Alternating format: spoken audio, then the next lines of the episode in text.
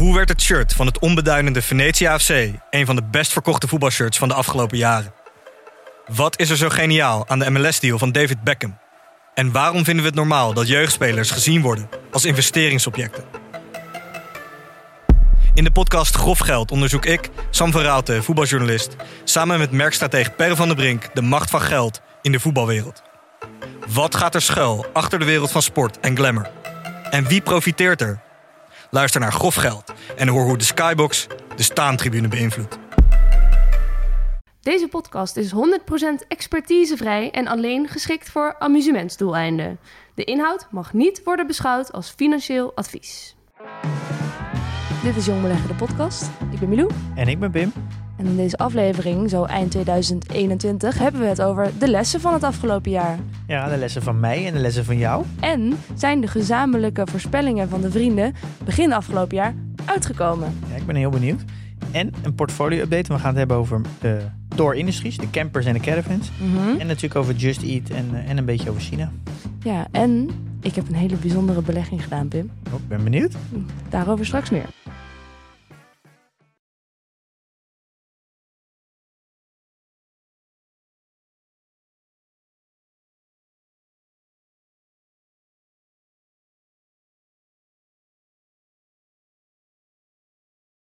Zo, het zit er bijna op. De laatste loodjes. Ja, bijna het einde van 2021. Ik moet zeggen, mijn lontje is wel een beetje op. Ja, toen aan vakantie? Eh, behoorlijk, ja. En eh, ik zit nu toevallig ook in mijn laatste week dat ik s s'nachts radio maak. Daar hou ik straks mee op. Ehm, dat is aan de ene kant tragisch, maar aan de andere kant heb ik daar echt ontzettend veel zin in. Dus jij gaat in een diepe winterslaap. Ja, eerst eventjes wel, denk ik. Ik ga het er even van nemen. Ja, als ZZP'er mag dat. Dan kun je Nee, daarvoor zeker. Ja, het is gewoon één, één lange vakantie heb je dan, hè? Ja, Met zo- een beetje werk nou, ik, zie tussendoor. het, ik zie het vooral alsof ik straks gewoon werkloos ben. Maar dat is natuurlijk niet helemaal waar. Nou, zo voelt het misschien wel. Ja, ze voelt het wel een beetje. Maar ehm, ik voel me daar heel relaxed over. Ja, het is een beetje, ZZP is misschien een beetje werk en chill tegelijk. In plaats van vijf dagen werken en dan in het weekend chill. Oké. Nee, je hebt, eh, Zo heb ik het nog nooit horen Ja. uitleggen. Ik hoor vooral altijd mensen die zichzelf helemaal over de kop werken... omdat werk en privé gewoon niet meer gescheiden is. Want je bent nu...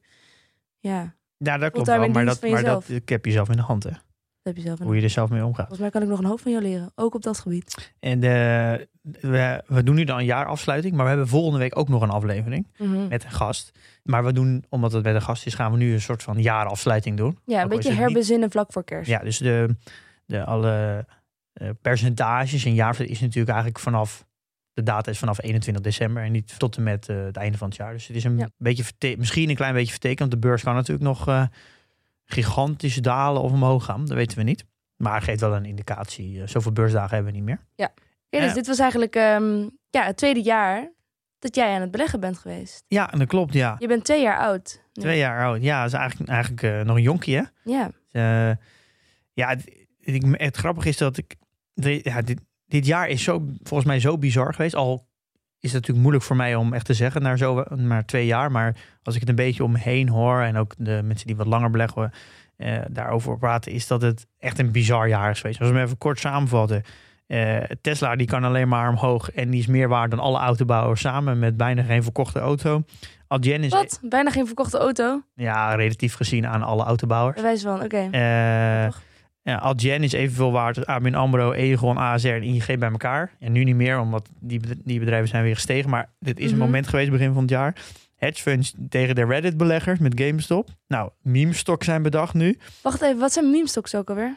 En daar waren een groep menigte op Wall Street Bets vooral. Eigenlijk het aandeel een soort van als groep een beetje kunstmatig omhoog duwen. En dan wordt het eigenlijk een beetje een, een lollige stok eigenlijk. Een beetje net Ah, eh, een, een internetgrap eigenlijk. ja. Dat is eigenlijk een beetje, eh, want memes ken je wel, denk Oh, ja, ik. ja, dan meme stok, een meme Mhm. aandeel.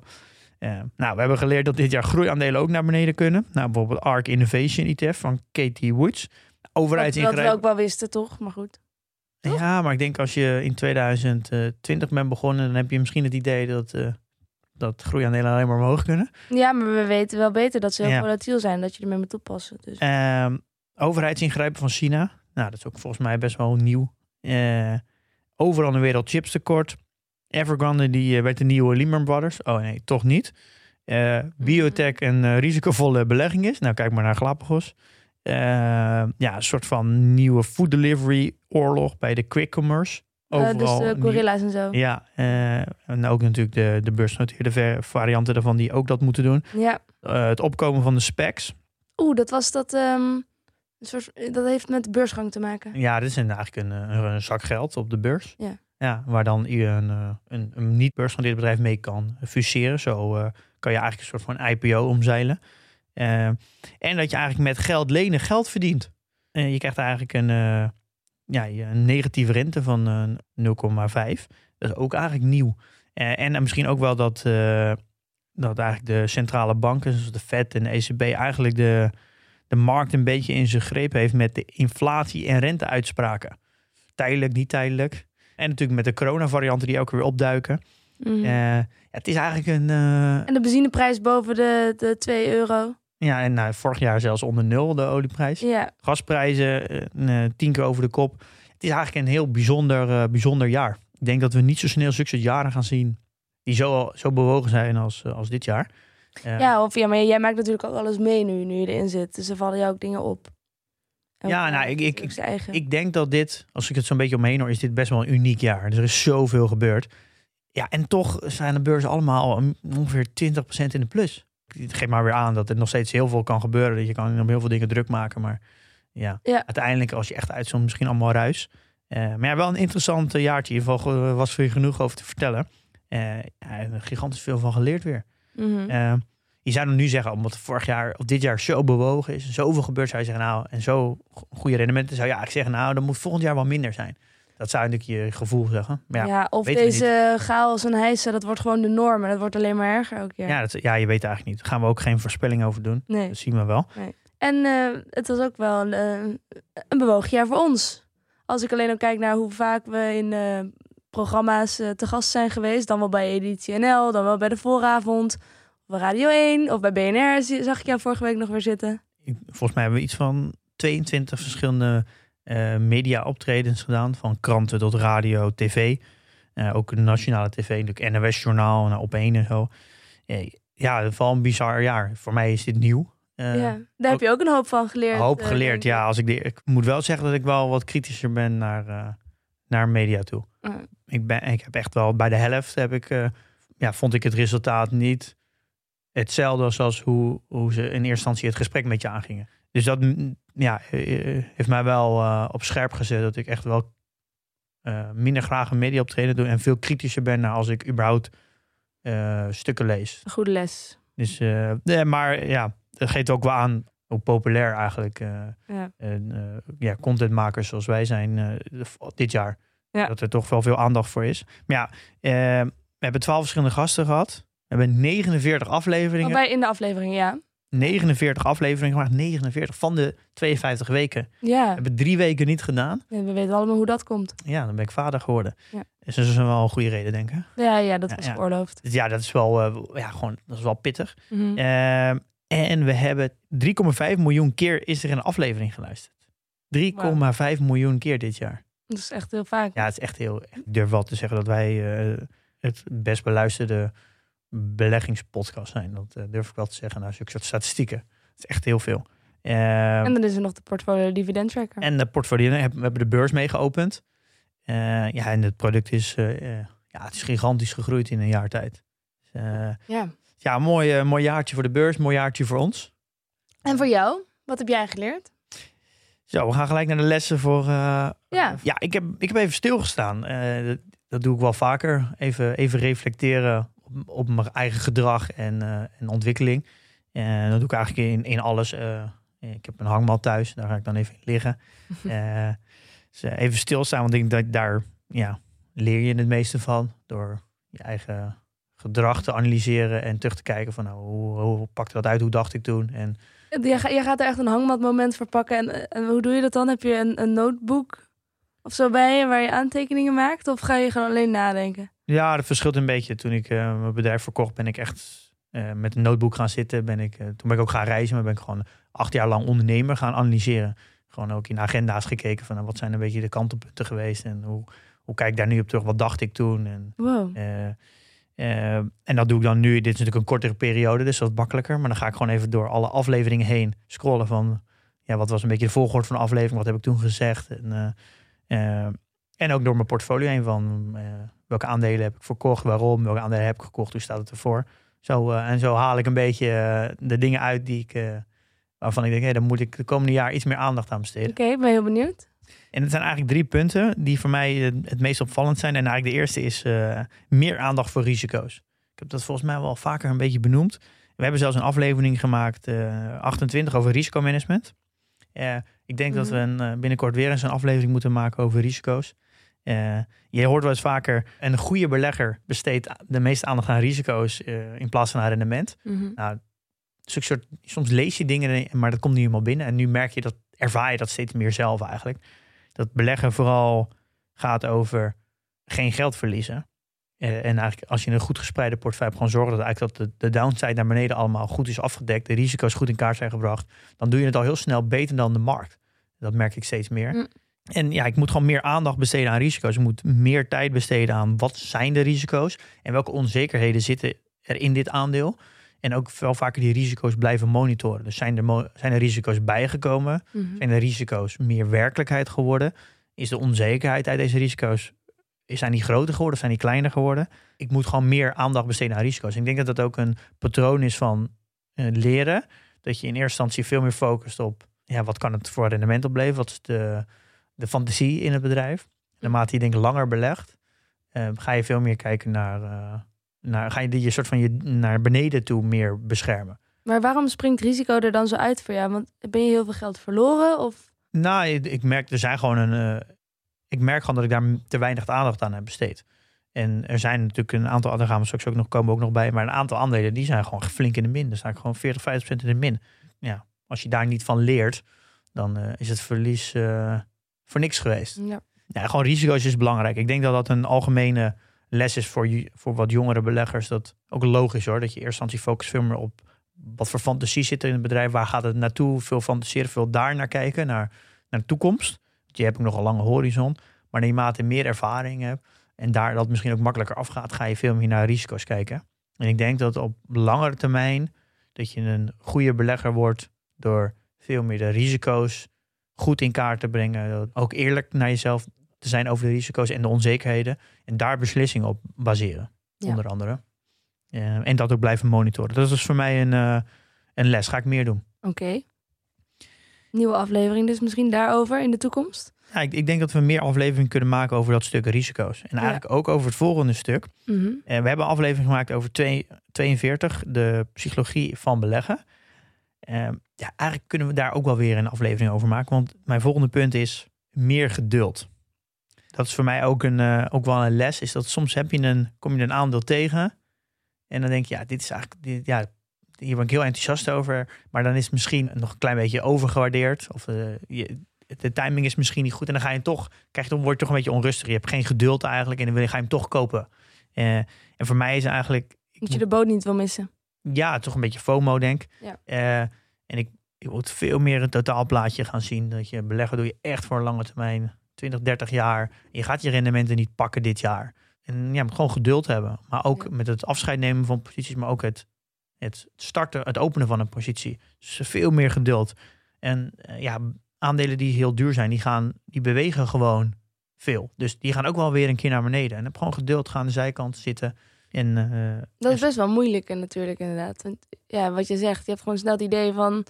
Oh nee, ik, ben, ik was te laat. Want kijk, die koers is nu enorm door het Het is best gegaan. wel, dat is weer de, de emotie en psychologie is dat als je een aandeel besloten hebt van hé, hey, dit is wel echt een aandeel wat ik graag wil hebben. En het aandeel gaat dan alleen maar omhoog. Dat is geen fijn gevoel. Ja, Dan denk je, oh shit, ik, moet toch, ik had toch wel in moeten stappen. En dan ga je misschien nu toch instappen. En dat, daar moet je eigenlijk dat geduld op brengen. Ja. En dat is voor mij wel een, eh, wel, wel een les. Dat ik eh, eh, veel meer geduld moet hebben. En ik denk ook dat geduld makkelijker is op te brengen. Op het moment dat je tevreden bent met je portefeuille. Dus als je een, een goed gespreide portefeuille waar je je comfortabel bij voelt, dan is het niet erg om lange tijd te wachten. Want je, je wacht met een, een fijne portefeuille. Ja. Als je portefeuille nog een beetje uit balans is, dan word je sneller onrustig. Dus dat is voor mij wel een, wel een les. Dus ook weer, we moeten meer aandacht besteden aan de psychologie van beleggen, denk ik. De risico's en psychologie, emoties, daar gaan we meer aandacht aan besteden volgend jaar. Want daar is Belangrijk voor mij. behalen. Ja. Ja. Ehm, Was dat het? nee, ik heb er nog één. Mhm. Overwaardering, dus dat iets duur is, dus dat er veel eh, ja, fantasie als al ingeprijsd, sentiment. Ja, dat bestaat echt. Dat bestaat echt. Dat bestaat echt. Overwaardering is real. Ja, dat, dat is er gewoon. Ja. En ja, dat, is, ja, dat klinkt misschien heel raar, maar er- ja, je, je krijgt heel vaak van die opmerkingen natuurlijk dat eh ASML is altijd duur en zo. Ja, en dat, dat klopt ook allemaal wel. Sommige goede aandelen zijn- altijd wel aan de prijs, maar zelfs je hebt aandelen die altijd heel, altijd heel aan de prijs zijn. Zelfs daar zit, je hebt dan overwaardering plus plus en je hebt overwaardering. En dat zit eigenlijk een beetje in lijn met geduld hebben. Eh, kijk, de margin of safety is natuurlijk niet voor niks in het leven geroepen. Ook de voorspelling die je doet naar wat het aandeel nou uiteindelijk waard is. Om daar een beetje marge in te hebben of je het nou goed doet of niet. En natuurlijk met goede bedrijven is het wat lastiger. Omdat de toekomst moeilijker te voorspellen is. Omdat de winsten veel verder in de toekomst liggen. En de, iets wat hard groeit kan qua over een periode dat minder hard groeit. Natuurlijk een heel veel effect hebben op uiteindelijk de waarde. Ehm, maar toch, ik ga toch meer overleggen dat ik niet te veel betaal. En te veel ja, is natuurlijk een, eigenlijk een eigen eh, interpreteerbaar begrip. Maar eh, je kan dat bijvoorbeeld beoordelen relatief aan de markt. Maar ik ga daar toch wel meer op letten. En dat is eigenlijk een combinatie met geduld. Dus als ik vind dat het toch eigenlijk nog wel een beetje aan de prijs Ja. is, moet ik toch wat meer geduld hebben. eh, en dan wachten. En ja, dan soms ook maar eh, een bedrijf laten gaan. Dus dat is toch wel voor mij een, een wijze les. En dat zit ook een beetje in die, die drie strategieën. Ik heb de waarde beleggen, groeiaandelen en GARP, dus Growth at a Reasonable Price. En ik doe dat bewust. Ik denk dat ik met deze drie strategieën samen ja, niet echt de markt snel ga verslaan, omdat het een beetje een ratje toe is. Maar ik merk dat ik het heel fijn vind, omdat ik hier heel veel van leer. Want ik leer eigenlijk van de drie aspecten een beetje van beleggen, wat, wat, waardoor ervoor zorgt dat ik sneller leer. En eh, denk over, misschien over een paar jaar ga ik heel duidelijk een keus maken waar ik me meer comfortabel bij voel, waar ik, en wat ik op lange termijn ga doen. Ehm, maar op dit moment merk ik dat het, het leren is, heeft vooral te maken met ervaring. Je, op een gegeven moment is, kan je heel veel lezen en dan ga je, leer je heel snel, maar je komt op een punt dat je eigenlijk bijna alleen maar leert door gewoon een keer een cyclus mee te maken. Gewoon een economische cyclus. Ik moet gewoon meer ervaringsjaren hebben om echt heel veel beter te worden. En dat kan ik niet versnellen. Dus dat is gewoon een kwestie van langer beleggen. Ja, Ja, daar kan niet de tijd vooruit voorspoelen. nee. Eh, dus over tijd ga ik wel steeds meer merken waar voel ik me comfortabel bij. En ik, ik denk wel, ik kan het niet helemaal zekerheid zeggen, maar dat gaan we straks bij, eh, ik denk ergens Q1 wordt dat wel duidelijk in eh, PDT. Ga ik ook heel duidelijk kunnen zien over een tijdsperiode wat mijn rendement is per strategie. En ik heb namelijk Oké. het vermoeden Ja, dat ik dit jaar qua value beleggen, dus waarde beleggen, het, het be- beter heb gedaan. Echt? Dan groei. dat is en- op zich opvallend, toch? Denk ik. Dat is, ja, dat is moeilijk. Het is een beetje een grove Ja. inschatting hoor. Maar dat gaan we dus ergens in eh, Q1 volgend jaar. kan- Kan ik dat in terugwerkende kracht natuurlijk zien in PDT. Dat is Ja. in mijn ene Excel echt niet uit te rekenen. Eh, maar ik heb vermoeden dat waardebeleggen nummer 1 is. eh, groei nummer 2 en growth at a reasonable price nummer, eh, nummer 3. Dat is mijn vermoeden. Ja. Dat komt vooral omdat China in eh growth at a reasonable price zit. En die drukt nogal de, de winsten. Ja. Ehm, nou, in ieder geval eh, nou, weer een hoop geleerd. En ik, ja, Dat waren de drie belangrijkste drie dingen. belang, maar ik heb natuurlijk heel veel geleerd. Eh, maar dit voor mij wel de drie punten die ik meeneem naar volgend jaar. Ja. Je hebt natuurlijk ook een hoop geleerd. Wat neem jij mee naar volgend jaar? Ja, ik heb hier even over zitten contempleren. En ik dacht, wat heb ik nou echt geleerd? Maar als het, als het nou ja, kijk, ten eerste natuurlijk op het gebied van eh, interviewen en podcast maken heb ik het afgelopen jaar heel veel geleerd. Maar dat zal ik even buiten beschouwing laten. Laten we het hebben over beleggen.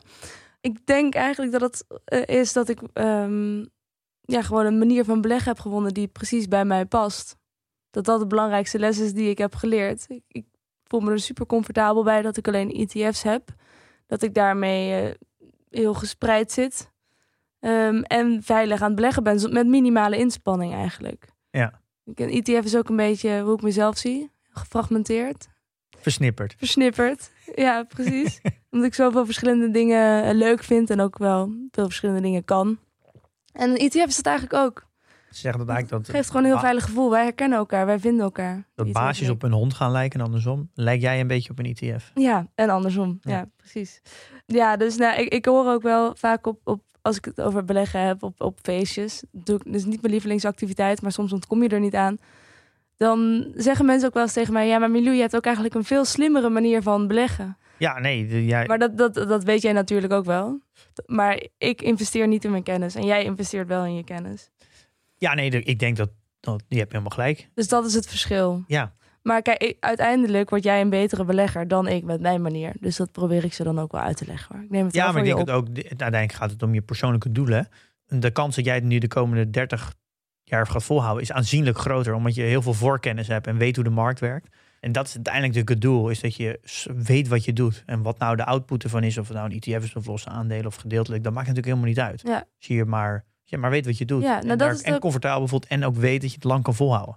Ja, het klinkt misschien een beetje abstract, maar dat is wel de, de meest waardevolle les voor mij van het afgelopen jaar. Ja, maar ik denk ook dat voor de meeste mensen eh, een ETF misschien wel bijna voor iedereen het beste is.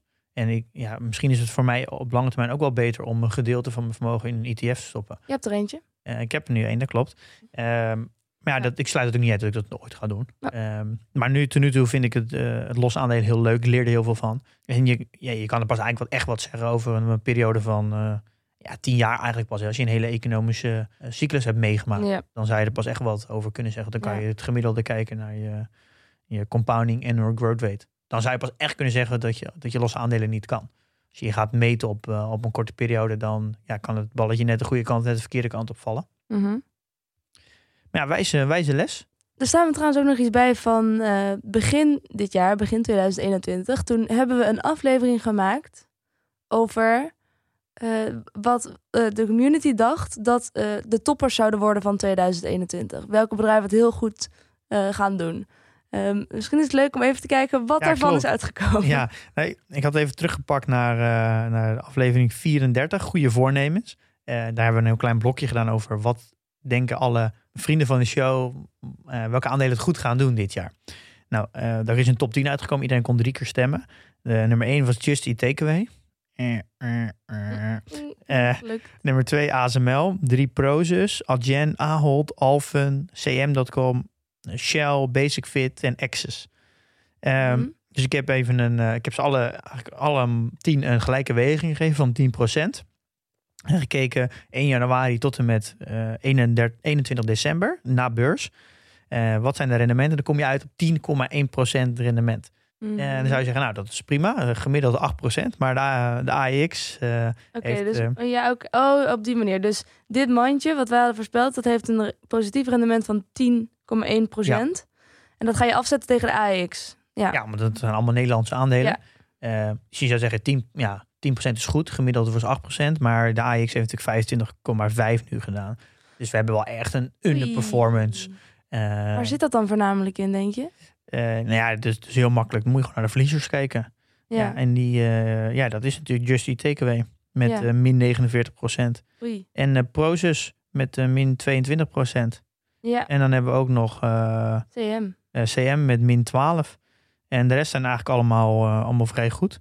Zeven van de tien zijn dus positief. Ja. Nou ja, Pieter Lins zegt altijd als je vijf à zes keer van de tien goed zit, dan ga je over langere periode een goed rendement maken. Nou, wij hebben nu ook een goed rendement. Alleen versus de markt niet zo goed. Maar hoe zou dit komen, denk je, Pim? Zijn we te onervaren of hebben wij het, te veel in positieve zin over Prozus gehad? Nou, ik denk dat het ook te maken heeft. Want dat zijn wel twee die we toevallig veel besproken hebben. Of misschien nog niet in 2020. Weet ik Nou, waar het mee te maken heeft, denk ik, is dat in 2020 werd technologie deed het gewoon heel goed. Eh, en ik denk dat die lijn gedachte van technologie kan alleen maar omhoog een beetje doorgezet is in de voorspelling van eh, 2021. Mhm. Eh, En je zag vooral in 2001, vooral dit jaar, zag je vooral dat eh, de achterblijvers van vorig jaar, dus bijvoorbeeld alle banken en verzekeraars en zo, en, eh, en olie het heel goed deed, want die deden het in 2020 heel, heel slecht. En eh, die zijn eigenlijk een beetje gecorrigeerd dit jaar. Eh, daar heeft het denk ik vooral mee te maken. Hm. Maar wij zijn dit jaar weer als community, als vrienden van zijn alweer een jaar eh, wijzer geworden. Dus, Dus we gaan het nog een keer doen.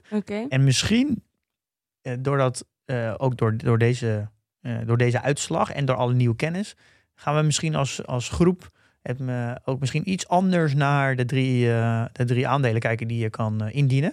Misschien ook iets meer kijken naar de risico's. Mhm. Ehm, en kijken wat het nu gewaardeerd is. Dus de, als het niet te duur is. En eh, dan gaan we volgend jaar nog eens kijken of we het eh, beter doen dan de, dan de AX. Spannend. Eh, in de, ik, na deze aflevering ga ik het in de community zetten. En dan krijgen we tot 31 december om te stemmen. Ik ben benieuwd wat iedereen zijn top 10 is dan. En of we het dan beter eh, doen. Ja. maar dat zullen we pas volgend ja, jaar maar we gaan eh, begin januari gaan we natuurlijk de uitslag weer even vermelden. Ja. Dan nu de hamvraag, Pim. Hoe heb jij het dan gedaan? Wat is jouw rendement? Ja, nou, het jaar is natuurlijk nog niet afgesloten, maar uh, dat is, uh, ik heb tot nu toe 21,2 procent. Nou, dat is natuurlijk eigenlijk fantastisch. Dat is fantastisch. Dat is wel bij zeggen. Het praten over rendement is best wel gevaarlijk. Uh, wat ik natuurlijk vorige keer al had verteld over mijn twee afleveringen terug. Is de manier hoe je rendement berekent is wel echt... het kan heel erg verschillen. Er zijn heel veel methodes voor. En het verschilt ook nog heel erg als je het over een periode doet. Dus het is heel anders als je het over de complete periode doet. En over een heel specifieke periode. Dus all-time en, en bijvoorbeeld year-to-date. Uh, en daarna is de methode die je toepast. Is het een money-weighted uh, rate of return of een time-weighted rate of return. Of zelfs de, de modified Dietz methode. Dat zijn, zijn allemaal manieren om rendement te berekenen. En Mhm. het is dus best wel gevaarlijk als je praat over rendement en onderling vergelijkt. Je moet het wel allemaal op dezelfde manier doen, anders kan je niet vergelijken. Anders ben je echt Ja. appels met peren. Ja. Het is ook niet de bedoeling natuurlijk dat je eh, rendementen gaat noemen voor, om, om te kunnen vergelijken met anderen. Maar ik denk vooral dat vooral voor jezelf belangrijk is, als je er zelf wat van wil leren, is dat je het altijd op dezelfde manier doet. Ja. En dat je er in ieder geval wel naar jezelf toe eerlijk mee omgaat, waardoor je ook een eerlijk statistieken krijgt waar je wat mee kan. En ik gebruik de, de Modified Deeds. En die komt dan ook, aan, in, ook in Q1 volgend jaar heel uitgebreid in, eh, in PDT. Ehm, dus dan kan je zelf een tijdsperiode selecteren. Dus kan je ook specifiek van de jaren terugzien. En dat is een money-weighted rate of return manier. En daar, op die manier heb ik 21,2% rendement. En dan, dan pak ik even de, de AX gross return, waar de herbelegd dividend in zit. Eh, dat is wel time-weighted, dus niet helemaal hetzelfde. Maar die heeft 25,5. Ja. Nou, nou dat, dat, dat doe ik slechter dan, eh, dan, eh, dan de AX. En dan pakken we de S&P, die doet 25,6. Nou, dus dat is ongeveer hetzelfde. Dus een eh, 0,1% maar verschil tot nu toe. En dan bijvoorbeeld de, de, de Stocks Europa 600. Dat zijn dus eigenlijk de S&P van Europa. De S&P 500 van Europa, maar dan 600. Die doet 18. Nou, doe ik toch beter. Ja. Eh, de Dow Jones doet dus 17,4. Doe ik het beter. De Eurostock 50 doet een 17,1. Doe ik het ook beter. Nasdaq doet 20,8. Doe ik het beter. En de iShare Core eh MSCI World doet 29,4. Nou, dat doe ik het echt een heel stuk slechter. Dus Ja. eigenlijk, eh, ja, de grote indexen, de, de S&P en de All World, die doen het wel echt een stuk beter. En dat Ja. is denk ik wel een beetje de, denk ik wel de benchmark in de wereld. Mhm. Dus daar, daar doe ik gewoon een, een, een performance met de benchmark. Ja. Maar, eh, je niet mee? Jouw kennende. nou ja, dat maakt me niet. Ja, ik 21,2 procent. Dat, bi- dat is toch hartstikke goed. Mhm. Echt, eh, ja, zie je wat ik geleerd heb. Goed rendement. In ieder geval geen, geen negatief rendement. Ja, maar als, als het straks app wordt, dan zien we wie de zwembroek aan heeft. Ja, nee, absoluut. Eh, maar ja, ik voel me, ja, ik, ik ben eigenlijk hier heel erg blij mee. Ik, ja. ja, als ik dan kijk, vorig jaar 18 uit mijn hoofd. Ik ben niet exact meer iets van 18 procent. Nu 21. Ja. Ja, ja het is echt, eh, ja, we vallen wel met de, met de neus in de boter in deze periode. Hoor. Dus eh, ook al is het eh, natuurlijk vrij makkelijk om het goed te doen. Ja, ja, het, is wel, ja het is wel rendement. Rendement is rendement. Zo is dat. Eh, dus ik ben er eigenlijk wel blij mee. En dat is wel grappig om te zien. Ik, ik heb ook een uitdraai gemaakt van mij. Via PDT kan ik dus selecteren op year to date. En dan zie ik een lijst van wat zijn mijn performance per aandeel. En eh, het grappige is dat Pfizer, die is gewoon nummer 2 geëindigd. Met eh 67% rendement in een jaar tijd. Dat komt echt door de laatste eh, rally eigenlijk. Eh, en eh, Nvidia staat op nummer 1. En onderaan staat Just Eat Takeaway met min 52%. ja, verschrikkelijk. En Alibaba met min 46. Ja, de, de verschillen zijn best, eh, zijn best groot. Eh, maar ik heb toch om en nabij, als ik zo even uitreken, ongeveer zo'n 6,5 tot 7 van de 10 even, hebben een positief rendement. Nou, Pim, dan kan je best trots op jezelf zijn. Over het algemeen. Gewoon, ik, ben er ook, eh, ik ben er ook wel blij ja. mee. Ja. Je hebt ons vorige week, en die week daarvoor trouwens ook, een portfolio-update beloofd. ja, we hebben natuurlijk even een periode even gestopt. Toen Dennis het overnam, dus daar ook, eh, heb ik ook wat, natuurlijk wat eh, aandelen aangeschaft. Ehm, ik wil eigenlijk even door mijn portfolio heen gaan. Dan heb ik een beetje blokjes gemaakt om ze niet allemaal in detail te behandelen. Sommige aandelen zijn al zoveel besproken het afgelopen jaar. Ehm, dus ik wil het even hebben over Tor Industries. Ja, daar, dat, dat, eh, En in het bijzonder de verliezers. Ehm, want daar kan je denk ik het meest van leren. Ehm, maar ja, laten we eerst beginnen met Tor. Eh, die is 4,6% van mijn, van mijn portefeuille nu. Ik heb trouwens 18 holdings, 18 posities met één ETF. En die vertegenwoordigt qua weging twee posities. Dus ik heb in totaal rekening met eigenlijk 20 posities altijd. Zo probeer ik wel de, spreiding goed te houden. Mhm. Uh, nou, Tor hebben Dat we... zijn de, de campers, toch? Ja, de Tor Industry, dat is uh, een campers en caravans. Uh, we hebben dat in augustus hebben we dat voorgesteld in de community van we zullen dat met z'n allen analyseren. Ja. En het grappige is dat toevallig nu we weer een nieuw aandeel hebben. Thomas heeft een nieuw aandeel geopperd, ook uit de community. we gaan Euronext nu met z'n allen doen. Dat is wel, wel leuk. Vorige keer hebben er 52, zijn 52 reacties geweest van mensen die hebben bijgedragen. Een beursbedrijf. Ja, Euronext. ja, Euronext. Ja. Leuk. Um, maar daar hebben 52 mensen bijgedragen eigenlijk aan, uh, aan, het, aan, de analyse van Tor. En uh, ja, nou, Tor is een uh, fabrikant van caravans en campers. En het is de, eigenlijk wel de grootste in Europa en Noord-Amerika. En de, ze hebben heel veel Amerikaanse merken dan. Maar de meest bekende denk ik in dus bijvoorbeeld Airstream en Heartland. Maar de, in Europa is het denk ik Erwin Heimer. Ja, Hiemer. Hiemer. Ik weet niet hoe je het uitspreekt. Maar ja, dat is denk ik in, in, uh, in in Duitsland een hele bekende. Ja. Uh, maar ze hebben echt wel een markt, echt een heel groot marktaandeel uh, met de campers. Dus dat is eigenlijk de gemotoriseerde voertuigen. Mhm. Uh, 47,6 procent. Dat is een marktaandeel. En voor de caravans 41,9. En dit heb ik dan uit de, de, de kwartaalcijfers gehaald. De rapportage van, uh, van het bedrijf zelf. En het misschien wel leuk om te zien is dat de nummer 2, dat is Forest River. En dat is dus niet een beursgenoteerd bedrijf. Want die, daar is Warren Buffett met Berkshire Hathaway volledig eigenaar van. Die heeft het van ja, die heeft het gewoon volledig van de beurs gehaald. Ik weet niet precies wanneer, maar die, dat is nummer Hmm. twee. En samen hebben ze toch wel snel zo'n uh, ja, toch wel zo'n 60 tot 70 procent van de markt in handen. Uh, en de rest wordt eigenlijk verdeeld over wat kleinere spelers. Dus het is wel heel duidelijk dat er eigenlijk twee grote partijen zijn die, Ja. uh, die eigenlijk de, de markt domineren. En Thor de grootste is. Waarvan Tor de grootste is. En ze hebben eigenlijk een return on invested capital. Dus eigenlijk de, de, de rendement wat ze terughalen van het, van het geld dat ze weer herinvesteren.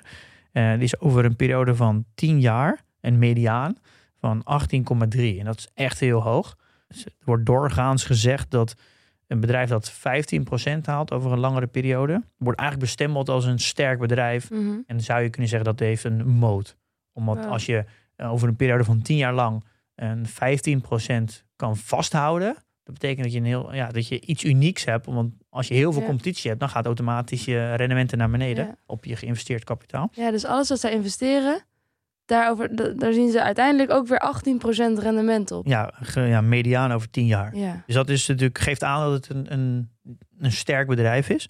Eh, En dat zie je ook in de markt, in hun marktpositie, in hun grootte van eh, het marktaandeel. Dat ze dus die positie heel goed kunnen vasthouden. Ja, op, op dat vlak doet het bedrijf natuurlijk heel erg goed. Er zit natuurlijk eigenlijk één heel erg grote uitdaging in, in dit aandeel.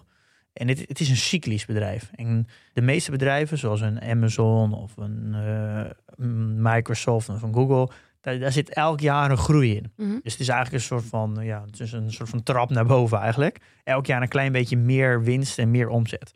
Relatief voorspelbaar. Ook Ahold is ook zo. Het gaat elk jaar een klein beetje beter. Ehm, Maar dat geldt niet voor Thor. maar dat geldt niet voor Tor. Dit is heel cyclisch. Dus het, als je een periode van 10 jaar pakt, dat wordt gemiddeld gezien een economische cyclus, dan zullen ze de periodes heel goed doen, maar ze periodes ook heel slecht doen. Want mensen, het is dus een luxe product, dus in economisch slechte tijden, dan gaan mensen geen caravan en camper kopen. Mhm. Maar hele hoogtijden, eh, wanneer het heel goed gaat, dan gaan mensen luxe producten kopen. Dus als je dit bedrijf gaat waarderen, moet je dus heel erg uitkijken dat je dus niet de cijfers pakt van bijvoorbeeld de laatste twee jaar, waar het bijvoorbeeld net in de piek zat. Als je dan dat als, als basis neemt, Mhm. dan heb je, eh, ja, dan je moet dan ja, Heb je vertekend beeld. heb je heel erg vertekend beeld. Dus de uitdaging met het waarderen van een cyclisch bedrijf, dat is voor mij nieuw. Ehm, wat, ik, de- wat ik dus heb gedaan, ik heb gewoon een periode van 10 jaar gepakt en daar het gemiddelde uitgehaald. Dus als je even een, als je het zou visualiseren, zou je natuurlijk een soort van golfbeweging hebben. En er zit ergens een, een, een, een lijn doorheen. En dat, die lijn is het gemiddelde. Dus, dat is de, eh, dus dan haal je eigenlijk de, de dalen en de pieken er een beetje vanaf. En dan kom je het gemiddelde uit. Weet je zeker dat 10 jaar dan lang genoeg is? Ja, dat is natuurlijk ook een hele goede vraag. En daar, zijn, daar, daar kan je natuurlijk heel erg mee spelen. Wat ik dus heb gedaan is naar het gemiddelde gekeken. Wat is de gemiddelde, ja, de operational margin eigenlijk van de afgelopen tien jaar? Eh, wat is de gemiddelde ja, rente- en belastinglast? Eh, wat doen ze? eh, de gemiddelde rendement, of gemiddelde compounding annual growth rate. Dus hoe, hoe groeien ze dan gemiddeld over die tien jaar? Want ze, ze, ze, ja, ze hebben zelfs een, een krimp eigenlijk in slechte tijden, maar een hele harde groei in de goede tijden. Dus dat wil je normaliseren. Nou, zo heb ik het eigenlijk allemaal genormaliseerd. En vanuit het gemiddelde ben ik eigenlijk gaan berekenen. En heb ik een voorspelling gedaan voor de komende, eh, voor de komende tien jaar. Oké. En ik weet eigenlijk al, daar kwam ik bijvoorbeeld uit in 2021, kom ik uit op, als ik dan gemiddeld bereken, op een winst per aandeel van 7,84. Dat is dus een gemiddelde. En vanuit daar ga ik een 7% groei doorrekenen. Maar ik weet al dat dit jaar, omdat ze het jaar al hebben afgesloten, omdat een boekjaar eindigt na de zomer, eh, hebben ze 11,85 dollar winst per aandeel. Dus eh, ze hebben al veel meer winst gemaakt dan dat ik eigenlijk vanuit ga in mijn berekening. Dus mijn berekening is heel constructief. Ik weet al dat ze volgend jaar ook veel meer winst gaan maken dan ik in mijn berekening reken. Ja, allemaal omdat Ja. ik het al reken met het gemiddelde. Daardoor heb ik eigenlijk al een extra margin eigenlijk meegenomen. Omdat ik al weet dat dit jaar en volgend jaar veel hoger gaan uitvallen. En ik heb gerekend met een, een eh, dat ze iets beter gaan doen dan de wereldgroei met 3%. En de wereldgroei doet vaak 2, 2,5. Mhm. Dan zit ik, ik denk dat ze, omdat het een sterk bedrijf is, iets beter gaan doen dan de wereld uiteindelijk. In een soort van de eternity. En daar kom ik uit op een fair value van 140. Maar met een margin of safety van 25% kom ik op een buy uit van 105. En, eh, en toen heb ik het aangeschaft. En dit is voor mij dus een eh, ja, nieuw. Hier heb ik veel van geleerd. Van Omdat het cyclisch is. omdat ja. het cyclisch is. En ja, nu is het voor mij natuurlijk heel interessant om dit de komende jaren te blijven volgen. En te kijken, eh, ja, hoe de aannames die ik nu heb gemaakt eh, in het normaliseren. En ja, of dat, of dat eh, goed is geweest. Want wil je hem op een gegeven moment verkopen? Nou ja, ik, om, dat heb ik dus wel omdat het een cyclisch bedrijf is. Ja. Ja, omdat het groeit wel. Er zit wel een stijgende lijn in, omdat het elk jaar wel groeit. Dus Ja. Je zou in theorie zou je natuurlijk altijd vast kunnen houden. Maar omdat het heel cyclisch is, eh, vergt het wel eigenlijk iets meer aandacht. Zou je hem eigenlijk op een piek willen verkopen. Ja. En dan in de gaten blijven houden. En dan op een later moment Weer eh, terugkopen. zou je hem dan weer terug kunnen kopen. Als het de cyclisch meer, Ja. meer negatiever is. Dus En is dat iets wat je gaat doen, denk je?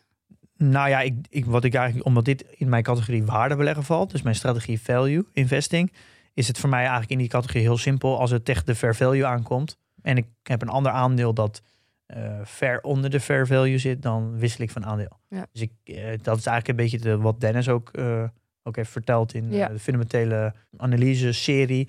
Dat je wil zoveel mogelijk onderwaardering in je portfolio houden. Dat is eigenlijk de strategie die je wil met value investing.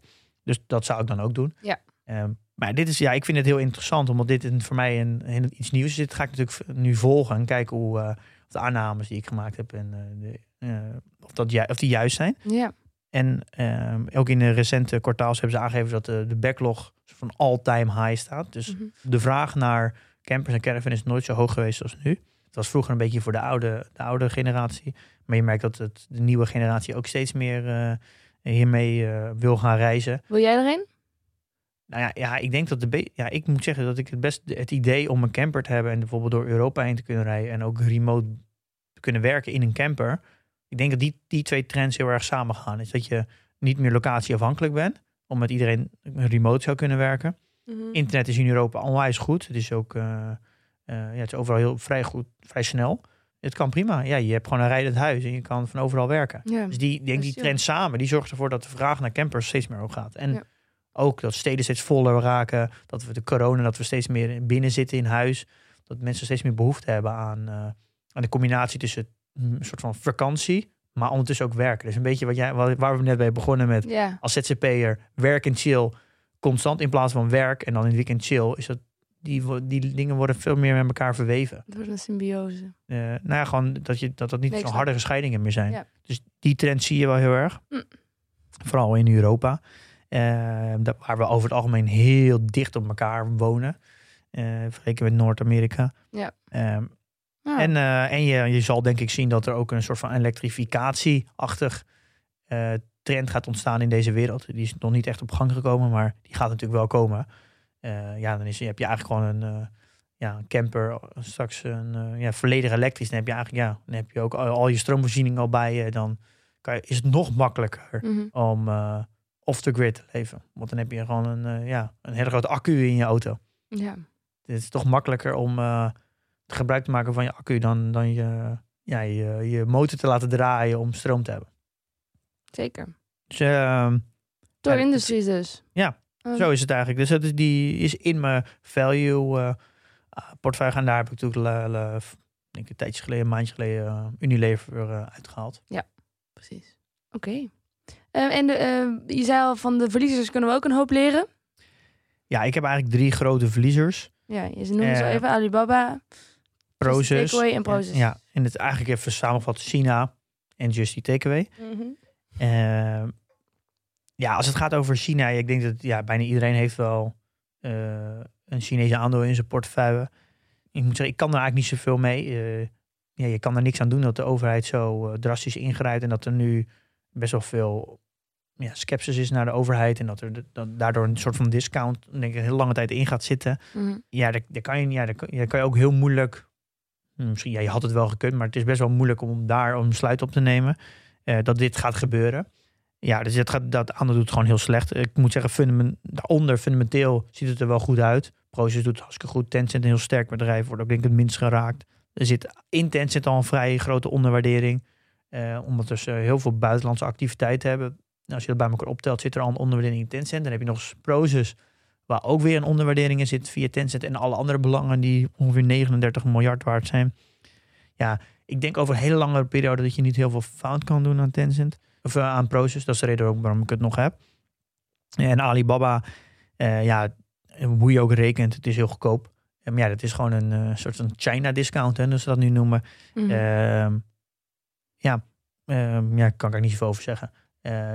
Het ziet er wel uit dat, eh, ook, dat ze hard, nog vrij goed groeien met de cloud-divisie, waar natuurlijk hoge marges op zitten. Lopen eigenlijk een eh, aantal jaar achter, vind ik, dan Amerika. Daar zijn ze wat verder, vind ik, de bedrijven als het gaat om cloud. En dat komt nu echt heel hard op. Ja, die hou ik ook gewoon vast. Ik eh, moet zeggen wel dat ik wel wat voorzichtig ben met bijkopen. Het is mijn kleinste positie nu, omdat het het meest is gezakt. Mhm. Ik kijk nog wel een Maar beetje. dan is het toch een beetje in de uitverkoop misschien, als je toch wel gelooft in dat bedrijf. Ja, maar ik, ik, ik, ik, ik wil daar wat meer geduld hebben. Want ik denk dat, het, dat het China gewoon in wat rustiger vaanwater moet gaan zitten. En dat denk ik dat het tijd nodig heeft. Voordat eh, als de overheid zich een lange tijd wat meer gedijst houdt. Dan het lange termijn geheugen van heel veel beleggers is er niet echt. Dus dan vergeten mensen denk ik dat, er, eh, dat China zomaar kan ingrijpen. En dan zal dat misschien over tijd wat meer normaliseren. Maar ik hou dat wel in de gaten. Ik, eh, ik sluit niet uit dat ik. Ja, ik vind dan of ik moet de positie vergroten. of ik moet op een gegeven moment afscheid nemen. een van die twee. Een soort van. Eh, dus daar, Ja. daar gaat, ga ik wel een keer een keuze over maken. Dat geldt eigenlijk een beetje ook voor Proces. Ja, dan hebben we nog Just Eat. Ja. Ja. Onze jitsen. Onze Jits. Ja. Wat kunnen we daar nou over zeggen, Pim? ja, daar wordt natuurlijk al zoveel over geschreven. En ik denk dat de, de, de VEB heeft daar een heel mooi artikel over gepubliceerd. Eh, en dat ging over de waardering van eh, Just Eat. En ja, de conclusie was voor mij een soort van alomvattend eigenlijk. Dat was gewoon precies hoe het in elkaar zit. En ik kan wel even een stukje voorlezen.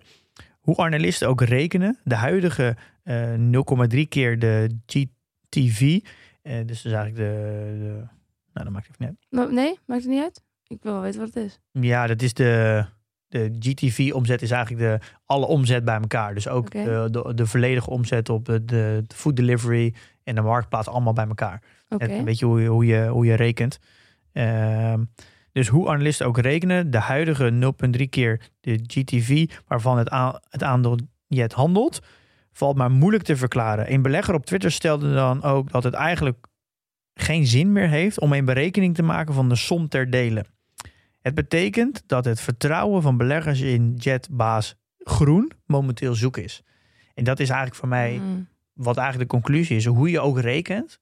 Je, kan allerlei vormen van waardering toepassen. eh, Door zonder delen, eh, en discounted cashflow.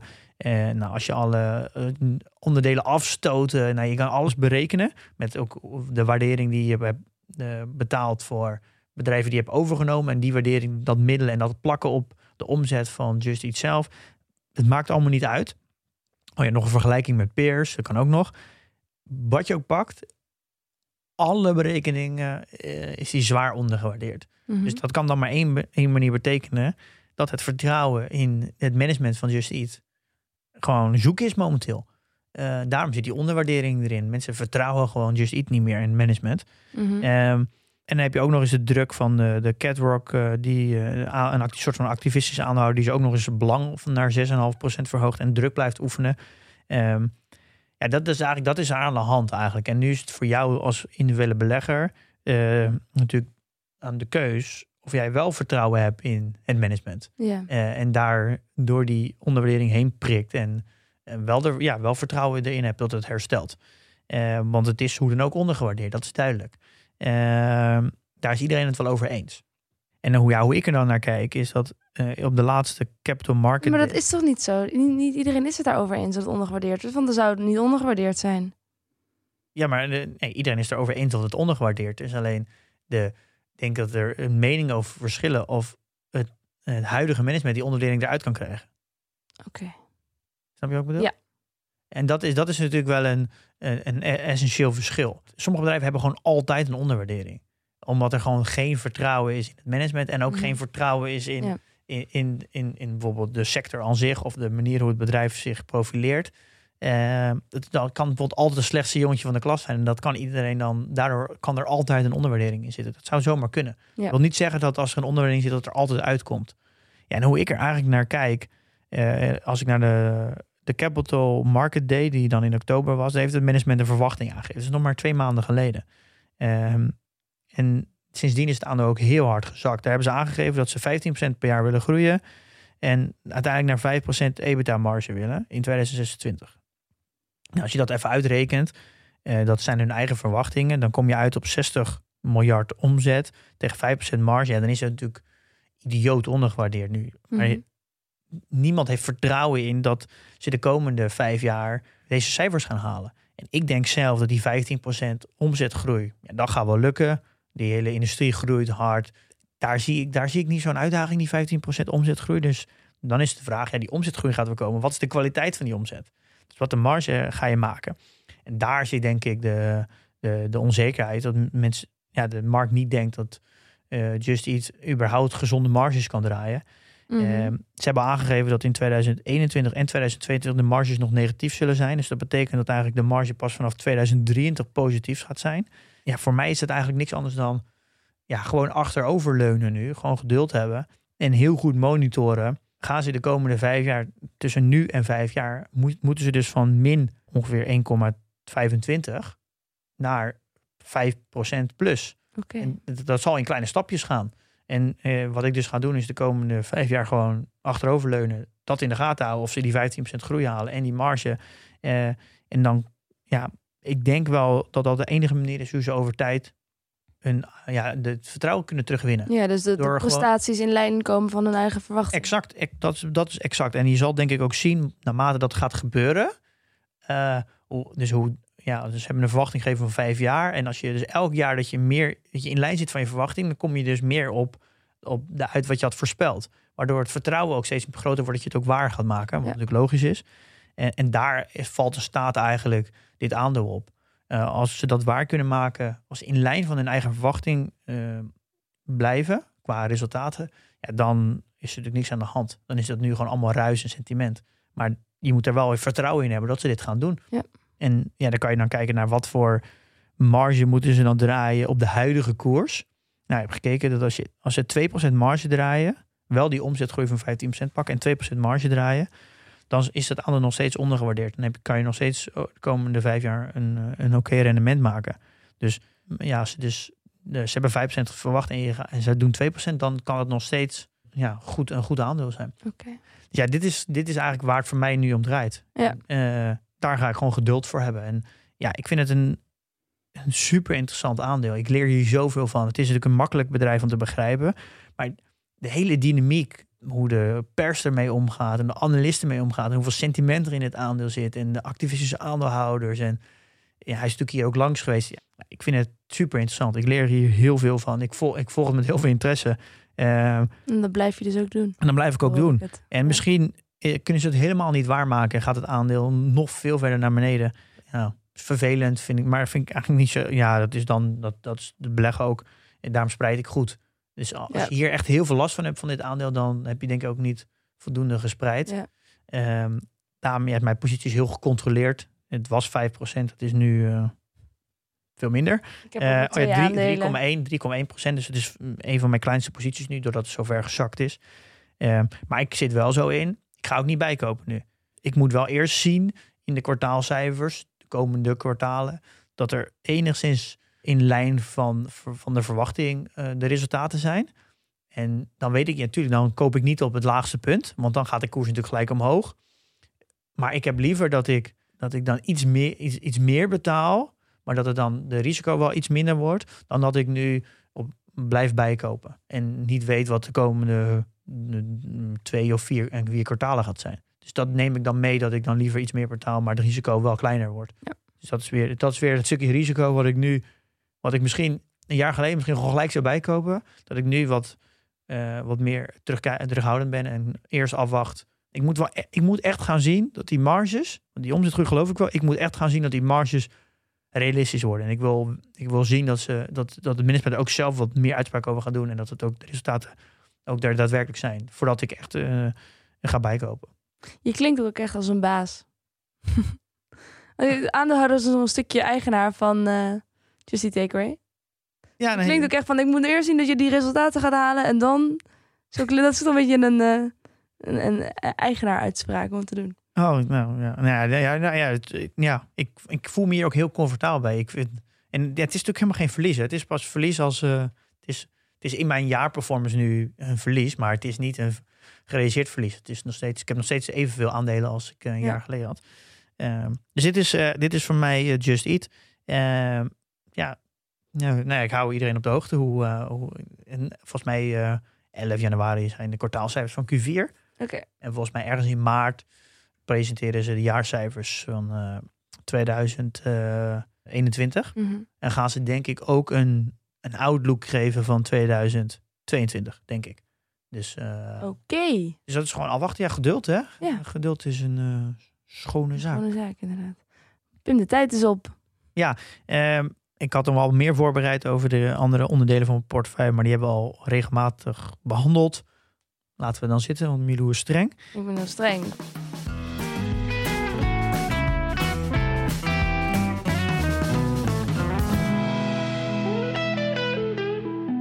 Ik wil wel nog weten wat je portfoliowaarde is. Oh ja, goed punt. 271.100. Oké. En ik heb eh, mijn maandelijkse inleg voor eh, december gedaan. En daar heb ik een beetje Shopify, ASML, Tor en de Trade Desk bijgekocht. Klein beetje bijgekocht van alle, al deze vier. Die zijn iets gezakt, zoiets bijgekocht. Oké. Eh, mijn portfoliowaarde is 8147 en ik heb een transactie gedaan. Maar dat is een, eh, een aparte. En apart, hè? Ik, eh, ja, dat weet je ook nog niet. Ik heb geïnvesteerd in kunst. In kunst. Ik heb een kunstwerk gekocht. Oh, wauw. Dit is een, een passion investing. Ja, maar het is dus, ik zie het eigenlijk ook niet als investing. Ik heb het gewoon gekocht omdat ik het heel mooi vind. Het is heel groot. Het past bijna niet in mijn kamer. Maar, Maar, eh, maar hoe, hoe, hoe heb je dat gedaan? Heb je bij, bij een kunstenaar, is het een, is het een erkend stuk? Ehm, het, is een, en het is een jonge kunstenaar. Ik heb de kunstenaar ook ontmoet. Want ik was op een tentoonstelling die een, eh, vriend van mij organiseerde. Ik heb ook daar een beetje bij meegeholpen. En dit werk, dat hing achter in de, de ruimte. En ik vond in het begin vond ik het heel lelijk. Want het is best wel heel oranje. En ik hou helemaal niet van oranje. Maar ik merkte ook dat ik er telkens naartoe getrokken werd. En ehm Jits effect, hè? het Jits-effect, ja, inderdaad. Net zo oranje als thuisbezorgd. En, en, en op een gegeven moment ging ik er zelfs over dromen. En het is een. Ik dacht, ik moet het gewoon eh, hebben. Het staat symbool een beetje voor mij voor de periode waar ik nu in zit. Met het stoppen met werken bij Avrotros. En eh, mijn eigen ZZP-carrière op poten zetten. Ik denk dat wij allemaal... uitbarstende eh, vulkaan op de achtergrond. Maar op de voorgrond zijn twee vrouwen. eh, vol warmte met een, een, een klein kindje. En dat is echt nou, een heel mooi werk. En daarin heb ik dus geïnvesteerd. Nou, zo zie ik het dus niet. Ik heb het gewoon gekocht. Maar eh, het is wel een flinke hap uit mijn investeringsbudget. Oké, nou ja, maar dus je kan er wel elke dag van genieten.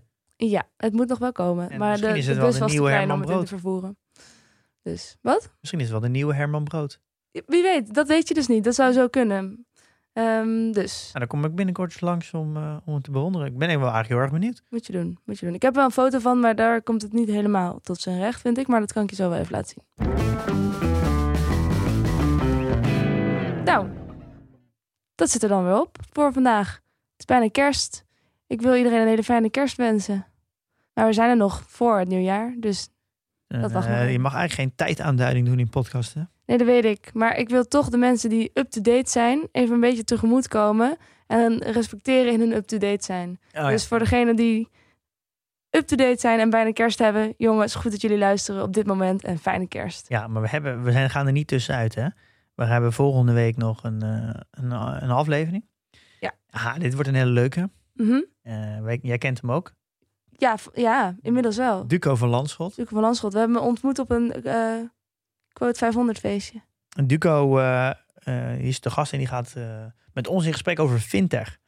En hij is naar mijn idee de ideale persoon hier om hierover te praten. Hij heeft bij Stripe gewerkt. Amerikaanse concurrent van uh, Adyen. Van Adyen. Mm en hij is nu zelf actief uh, als Chief Commercial Officer volgens mij bij een fintech.